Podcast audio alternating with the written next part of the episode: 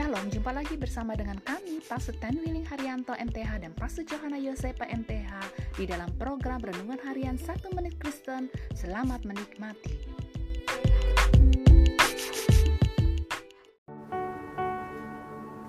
Shalom saudara-saudara yang sangat berharga di hati Tuhan. Hari ini firman Allah mau mengingatkan kepada kita agar kita tidak memakai kesempatan dalam kesempitan. Ketika saudara-saudara Yusuf menyadari bahwa ada uang pembelian gandum di karung mereka, mereka menjadi begitu takut dan khawatir. Sehingga ketika saudara-saudara Yusuf hendak berangkat kembali untuk membeli gandum di Mesir, mereka membawa sejumlah dua kali lipat uang banyaknya. Hari ini saudaraku, firman Allah mau mengingatkan kepada kita agar kita tidak memakai kesempatan dalam kesempitan. Ada banyak celah untuk kita bisa melakukan dosa.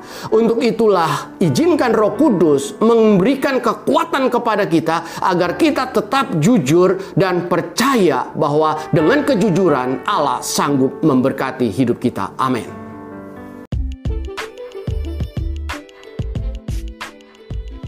Mau jadi berkat. Kalau saudara memerlukan dukungan doa, hubungi kami di plus 62 812 9332 8339. Sampai jumpa pada episode berikutnya. Tuhan Yesus memberkati.